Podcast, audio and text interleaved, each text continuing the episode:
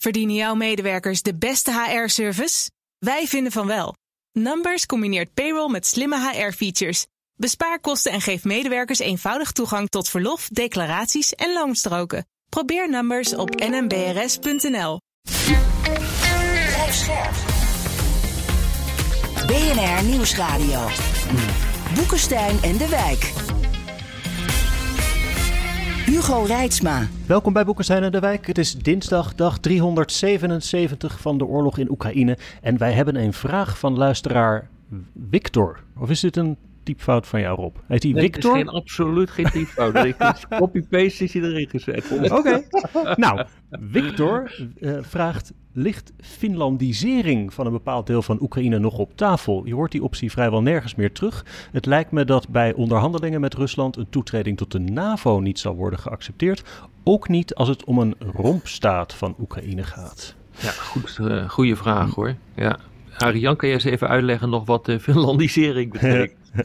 Ja, dat is interessant. Ehm, je, je denkt gelijk aan Finland, hè, maar eigenlijk wordt er gesproken over Finlandisering als je het over het beleid in de jaren 70 hebt in Duitsland van Willy Brandt, weet je wel, over ten aanzien van Oost-Duitsland. En toen werd er gezegd van ja, je zit eigenlijk als het ware West-Duitsland te Finlandis- Finlandiseren, omdat je dus zulke, Ja. zulke open relaties wil hebben en bereid bent deals te maken over, over mensen die dan eh, Oost-Duitsland verlaten. Maar het was toch bij Finland zo in de Koude Oorlog dat ja, ze mochten dan onafhankelijk blijven, maar ze waren wel een beetje onderhorig aan de Sovjet-Unie. Ze moesten daar is volgens mij wekelijks op bezoek gaan om uit te leggen dat ze Ja. niks stouts deden met, eh, met het Westen, toch? Ja, Ja, Finland dat is het hele punt. Ja, dat is het hele punt. Dus je bent Finland- eigenlijk bijna van eh, in dit geval van, het, eh, eh, van, Rus, van in, toen de Sovjet-Unie. Ja, je bent dus een land dat zich vergaand, meegaand opstelt tegenover een machtiger land. Hè? Ja. En in Finland is dus Finland een ongelooflijk land. In 1939 door de Sovjet-Unie aangevallen. De beroemde Winteroorlog, weet je wel. Nou, de, de, het, ze weten dan dus nog een beetje de Russen af te slaan. Hè? En vervolgens eh, gaan ze dan met de Duitsers samen de Russen eruit eh, eh, gooien en zo. Nou, Hm. wat gebeurt er na de Tweede Wereldoorlog? Proberen ze dus uit het Warschau-pact te blijven. Dat lukt. En dat lukt door ze dus, ja, zeg maar, de, de, de, de, de Russen niet te, veel eh, in de voeten te lopen. En dus een onafhankelijk beleid eigenlijk te voeren. Hè? Ja. Eh, en, en dat is wat er gebeurd is. En da- daar zijn de Finnen heel goed in geslaagd. Ze mochten dus zelfs Ja. eh, lid worden van de Europese Vrijhandelsassociatie, de Ja. EVA. Ja, Dat dus dus wat, wat, je, wat ja. je probeert te doen, Arend-Jan, als ik je goed begrijp, is eh, je stelt je meegaand op, in dit geval met de Sovjet-Unie, Ja. om zo onafhankelijk mogelijk te van. Dus Ja. dat betekent dus eh, dat Oekraïne zich zo meegaand mogelijk moet opstellen ten aanzien van, ehm, eh, van, van Rusland, om, Ja. zo, om zoveel mogelijk onafhankelijk te blijven. Ja. Daar komt het feitelijk op neer. En Nou, daarom kwam natuurlijk vroeg in de oorlog die term alweer terug bij mensen die dachten, zou dat niet een oplossing zijn voor Oekraïne? Ja, nou is- ja, dat heeft wel gespeeld natuurlijk. Ja, het heeft gespeeld. En Macron, weet je wel, die wilde dus eigenlijk een oorlog voorkomen. Was er heel erg druk mee bezig. En heeft toen ook die, die term Finlandisering gebruikt. Laten we dan Rusland beloven dat Oekraïne geen lid van de NAVO wordt. Dat heeft hij nu in alle toonaarden ontkent hij. Dat hij dat toen gezegd had, om hele begrijpelijke redenen natuurlijk. Hè. Maar ik, ik denk nu, jongens, het is, het is nu een gepasseerd station. Hè. Want wat er dus gebeurt, is dat eh, Poetin heeft verschrikkelijk huis gehouden in, in, in, in het oosten, maar ook bij Kiev. Hm. En om dat nou allemaal te belonen met een Finlandisering, dat wordt zelfs voor een, voor een realist als Kissinger wordt het gewoon te veel. hè? Nou ja, weet je, het is wel interessant. Kijk, want in het begin eh, is er behoorlijk onderhandeld. Hè? Eh, het interessante is natuurlijk dat als je het woord onderhandelen noemt in Nederland, dan ben je al een Poetin-investeerder of wat dan ook. En dan word je voor alles een, eh, nog wat uitgemaakt. Maar er wordt gemakshalve even eh, van, eh, eh, aan voorbij gegaan dat er gewoon heel veel onderhandelingsronden zijn geweest tot aan april. Ja. Dus iedere keer zie je dat de kern van die onderhandeling is geen NAVO-lidmaatschap. schap, eh, neutraliteit. Podiak, dat is de, de Russische onderhandelaar, die schijnt bij de 15 puntenplan te zijn gekomen. Dat was in maart.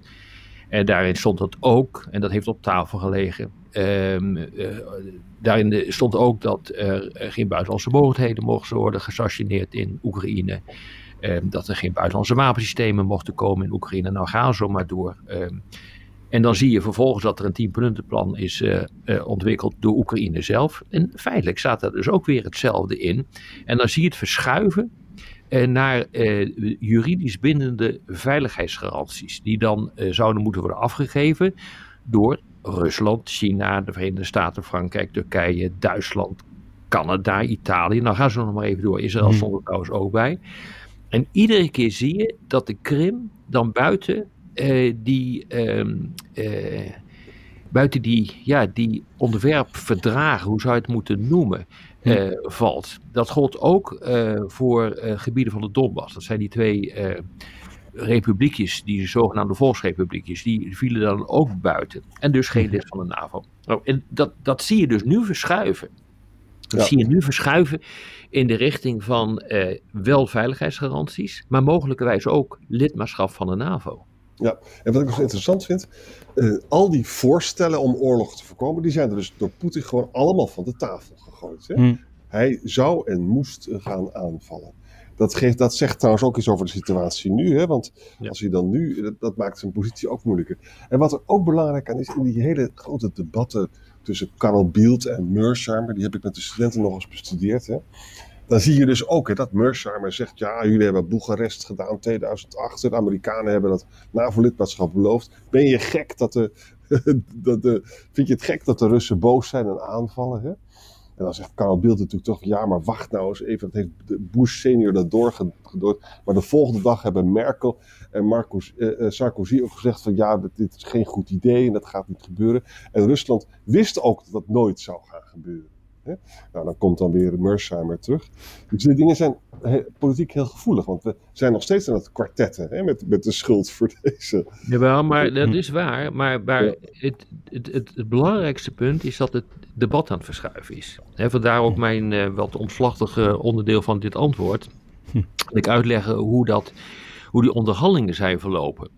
Dat die echt gingen van neutraliteit, geen NAVO-lidmaatschap, Ja. naar eh, het woord neutraliteit komt niet meer voor, maar het gaat nu over veiligheidsgaranties. En het verschuift nu, als je het hebt over veiligheidsgaranties, in de richting van NAVO-lidmaatschap. Mhm. Dat is natuurlijk ook niet zomaar een eh, gelopen race. Kijk maar wat er gebeurt nu met Zweden en eh, Finland.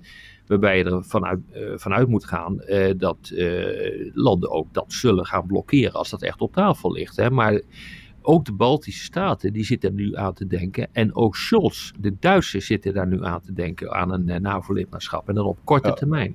Ja, dat is echt een enorme doorbraak. Dat is een enorme doorbraak. Maar Rob, we hebben vorige week ook een aantal artikelen behandeld waarbij ook, weet je, de, dus de Fransen en de Duitsers en Biden zijn aan het nadenken over veiligheidsgaranties al enige weken. Hè? Ja. En in sommige artikelen staat er van ja, we, we zoeken artikel 5 kan niet. We zoeken iets in betweens. Hè? Ja, maar wat is dat dan? Ja, Je kunt, je, een artikel, Kijk, een veiligheidsgarantie is een veiligheidsgarantie. is gebaseerd op, ehm, eh, wat is het, eh, ehm, eh, artikel 51 van het Handvest van de Verenigde Naties, als ik het goed uit Ja. mijn hoofd eh, weet. Dat is het recht op collectieve eh, defensie. Dat recht heeft Oekraïne gewoon. Ehm, en ook zeg maar, ehm, die veiligheidsgaranties die worden afgegeven eh, aan, door verschillende landen. Dat mag ook volgens het internationale recht. Ja, en dan is eh 1 plus 1 is 2. Als je dat aan het doen bent, dan kan je het net zo goed door de NAVO laten doen. En Ja, dat is het maar hele punt. Maar wat nog zou kunnen, Rob, ik zit gewoon even Ja. na te denken, logisch hè. Ze zeggen, we gaan nooit met onze eigen troepen jullie helpen, dus geen artikel 5. Maar we gaan wel jullie zoveel mogelijk wapens leveren. Zoveel Klopt, dat is ook de insteek van Scholz eh, geweest. Dat is Ja. juist. Ja, dat klopt. Maar ik moet zeggen, ik eh, sprak, eh, nou ja, jullie weten, ik was in, eh, ik was in de Baltische Staten. En eh, daar wordt dus ook nu die discussie gevoerd over NAVO-lidmaatschap. En ook de Duitsers die ik eh, daar sprak, die zeiden van, nou ja, wij zijn nu aan het schuiven. En dus eh, onderdeel van de vraag is, van die eh, meneer met een W, is dat je er, ehm, dat het dus niet zo is dat dat helemaal niet meer op de tafel ligt. Ja. Hè, en ehm, eh, moet je dat onderhandelen met Rusland? Nee, dat moet je niet onderhandelen met Rusland. Dat wordt, dat wordt dan gewoon opgelegd. Exact. En de Ja. kernvraag is natuurlijk, als je geen artikel 5 hebt hè, en je doet wel wapen, is dat voldoende afschrikking om dus, na een, dus, dus tijdens een staakt het vuren, om Rusland te weerhouden van nog een aanval? Dat is natuurlijk de kernvraag. En wij hebben zelf al lang bedacht, maanden geleden, een NAVO-lidmaatschap is natuurlijk de beste deterrence, de beste afschrikking, om te voorkomen dat hij het Ja. nog een keer doet. Hè? Zeker. Maar tegelijkertijd heb je dan ook de derde wereldoorlog te pakken. Hm. Nou ja, dat hoeft niet. De bedoeling is namelijk eh, dat je dit gaat invoeren op het moment dat eh, Rusland zo zwak is dat ze met een staakt het vuren akkoord gaan. Eh, en dan kunnen ze feitelijk ook weinig meer daartegen inbrengen. Uh, daar zit het hele punt in. Maar ik geef onmiddellijk toe, het is wel een, een, een hoge risicostrategie hoor, die je gaat volgen. Ja. Ja. Maar waarom, kijk, finlandisering is dan een beetje een beladen begrip. Waarom inhoudelijk zou neutraliteit en het land volzetten met wapens geen oplossing kunnen zijn? Volgens mij heeft Zelensky ook wel eens de vergelijking gemaakt met Israël, dat ook niet in de NAVO zit, maar zo zwaar bewapend is dat, dat niemand er tegenop kan. Dat was ook het uh, plan dat op uh, uh, het tienpuntenplan van Oekraïne, dat op 29 maart op tafel lag. En dat ook bediscussieerd is met, de, met de Russen. Mm -hmm. Maar men gelooft niet meer dat het mogelijk is om zaken te doen met Rusland. Mm -hmm, mm -hmm. Uh, en uh, zeker toen uh, al die, die oorlogsmisdaden aan het licht kwamen, Butsja en dat soort zaken. Toen heeft men ingezien van ja jongens, dit gaat gewoon niet werken. Dus we moeten met iets anders komen. En toen is het langzaam verschoven naar het opgeven feitelijk van neutraliteit. Eh, want neutraliteit is een totaal gepasseerd station. Dan had je dat kunnen doen. Dan had je ook kunnen ja. vragen aan de Russen en de Chinezen om mee te doen aan die veiligheidsgarantie. Dat is een gepasseerd station. En daarmee verschuift het nu automatisch naar de westerse landen die die garanties moeten uh, stellen. Ja. En dan komt automatisch de NAVO in beeld. Ja. Robert, wat heeft Poetin toch een kans laten liggen? Hij had dus ja. gewoon neutraliteit kunnen hebben. Hij had ook de uitbreiding van de NAVO kunnen voorkomen als hij niet was aangevallen. Of hij had een beetje aangevallen, weet je wel. Dit, hij heeft het gewoon verknald op alle, alle nee. schaken. Nou ja, zijn, zijn, zijn eisen worden maximalistischer. Ja. Dat is het hele punt. Want als je dus kijkt wat er gebeurde aan het begin van het vorig jaar. En nou, daar ben ik ook even voor bekritiseerd geweest. Toen ik zei van nou eigenlijk valt het nog wel mee. Uh, wat er op tafel ligt. Hm. Ik had gedacht, uh, als je zulke hoge eisen stelt als denazificatie, denazificering is volgens mij het woord, en demilitarisering, dat je het, uh, het niet laat bij alleen de volksrepubliekjes Luhansk en Donetsk, de Krim en, en, en nog wat kleine, relatief kleine dingen. Uh, maar dat je dan gewoon echt uh, ja, volop uh, zou gaan. En dat is dus gewoon niet gebeurd. Ja, dat is ook een gepasseerd station. Dus ik denk dat Poetin zichzelf ook wel eens achter zijn oren krabt van wat heb ik gedaan? Ben ik niet gewoon te, veel te ver gegaan? Dat ik het in het begin niet moeten pakken. Toen er een mogelijkheid voor een, voor een akkoord lag.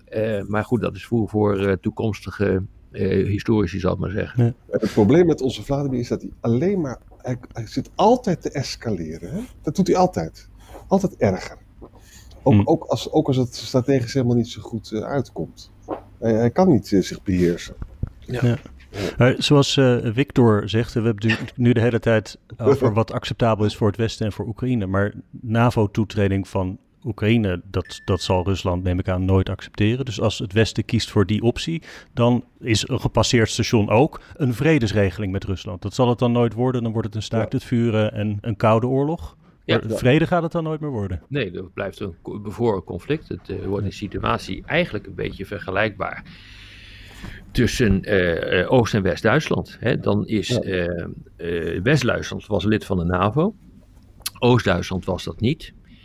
en toen de muur viel, toen kwam het land bijeen. En toen werd het hele land lid van de NAVO. Dus dan krijg je een, een, een vergelijkbare situatie. Dus je hoeft ook niet te zeggen dat het niet kan. Dat er ook staat Oekraïne geen lid wordt van de NAVO. Dat kan namelijk best. Zie Oost- en West-Duitsland. Ja. En, en neem ook het einde van de Tweede Wereldoorlog. Hè. Dat wordt bepaald door de positie van de legers. Hè. Weet je nog dat die Amerikaanse legers twee weken bij de Elbe wachten? Hè. Waardoor dus de Russen Berlijn konden bevrijden met alle ellende die daar heeft plaatsgevonden. Er was nooit een vredesregeling uh, bij het begin van de Koude Oorlog. Gewoon de legers hebben dat bepaald. En dat ja. gaat het hier ook vast worden, denk mm -hmm. ik. Ja. ja. Hebben we nou die vraag een beetje beantwoord? Volgens mij wel. We zijn wel lang Volgens mij wel. Hebben we beantwoord? Dat is uh, de grote vraag. Uh, Finlandisering, Victor, is een gepasseerd station. En ja. uh, dat Rusland Oekraïnse NAVO-toetreding niet zal accepteren, ja, dat, dat, dat is dan maar zo. Dat is dan ja. maar jammer. Ja, dat klopt. Ik denk dat dat het, dat, dat het is. Merk oh, nou. Volgens mij is het goed. Okay, ja, gaan tot we morgen. verder. tot morgen. Verdienen jouw medewerkers de beste HR-service? Wij vinden van wel. Numbers combineert payroll met slimme HR-features. Bespaar kosten en geef medewerkers eenvoudig toegang tot verlof, declaraties en loonstroken. Probeer Numbers op nmbrs.nl.